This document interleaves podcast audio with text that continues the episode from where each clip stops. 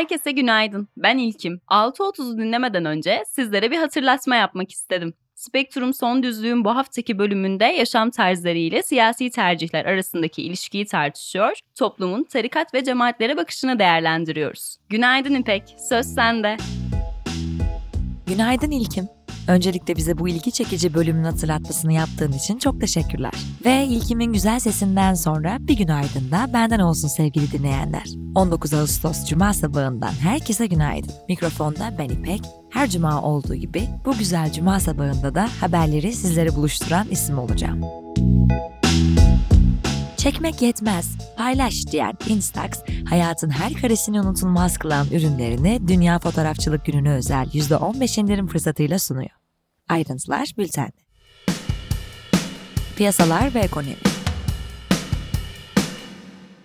Türkiye Cumhuriyet Merkez Bankası politika faizini 100 bas puan düşürerek %13'e indirdi. Karar sonrası dolar TL 18'in üzerine çıktı. Bir süredir düşüşte olan risk primi ise sert yükselişle 770 puan seviyesine çıktı. Türkiye Cumhuriyet Merkez Bankası brüt rezervleri 2 haftada 12,5 milyar dolar arttı. Swap hariç net rezervlerde ise 2,1 milyar dolarlık artış gözlemlendi. Döviz mevduatını kur korumalı mevduat hesabına çeviren şirketlere kamu bankalarında %14, özel bankalarda ise %17-18 oranında ticari kredi faizi uygulanmaya başlandı. Bu durumun bankalar arası döviz mevduatı geçişini hızlandırdığı belirtildi. BIST 100 endeksi 3000 puanı aşarak tüm zamanların en yüksek kapanışını gerçekleştirdi.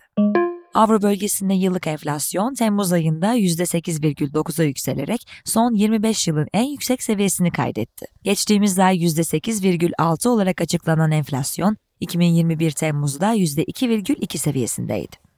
Faiz artırımlarına ilk başlayan majör merkez bankalarından olan Norveç Merkez Bankası, gösterge faiz oranını 50 bas puan artırarak %1,75 seviyesine çıkardı. İş Dünyası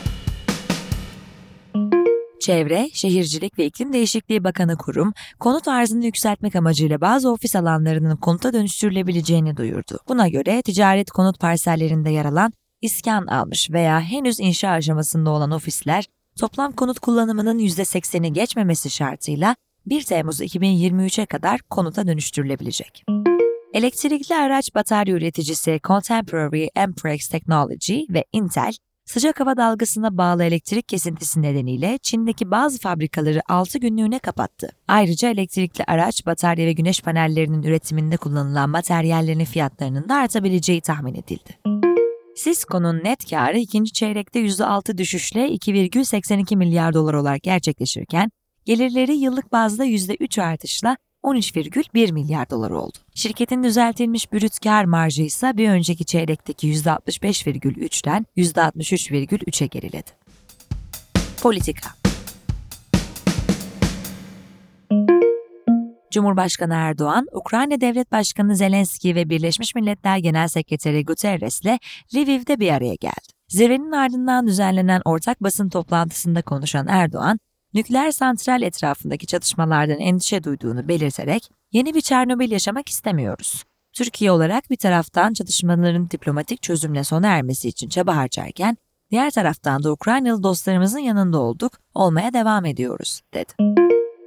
Rusya, Türkiye'ye S-400 hava savunma sisteminin ikinci parti tedarikine ilişkin uygulamaya geçildiğini açıkladı. Sputnik'e konuşan Rusya Askeri İşbirliği Dairesi Başkanı Dimitriy Shugayev, İkinci parti S-400 sisteminin Türkiye'ye tedarikinde ilişkin sözleşme belgesini imzalandığını ve hayata geçirildiğini söyledi.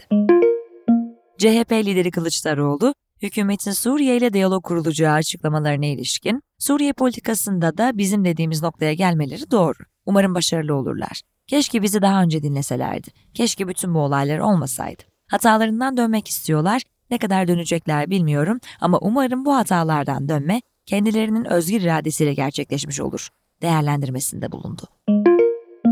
İyi Parti, ekonomide kurtuluş planının ilk aşamasını oluşturan istikrar ve kapsayıcı büyüme eylem planını açıkladı. Planda para politikası eylem planı, finans sektörü eylem planı, kamu maliyesi eylem planı, vergi sistemi, iş gücü piyasaları ve sosyal destekler eylem planı, teşvik uygulama politikaları ve dış ticaret politikası başlıkları yer aldı. Politika haberlerinin devamı bültende teknoloji ve startup.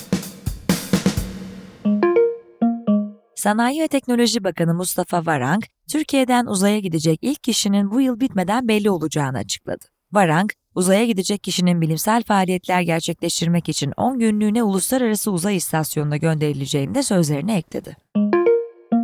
Kıdemli Apple analisti Mark Gurman, Apple'ın iPhone 14 serisi, yeni MacBook'lar, iPad'ler ve Apple Watch modellerini tanıtacağı etkinliğin bu yıl 7 Eylül'de gerçekleşeceğini öne sürdü.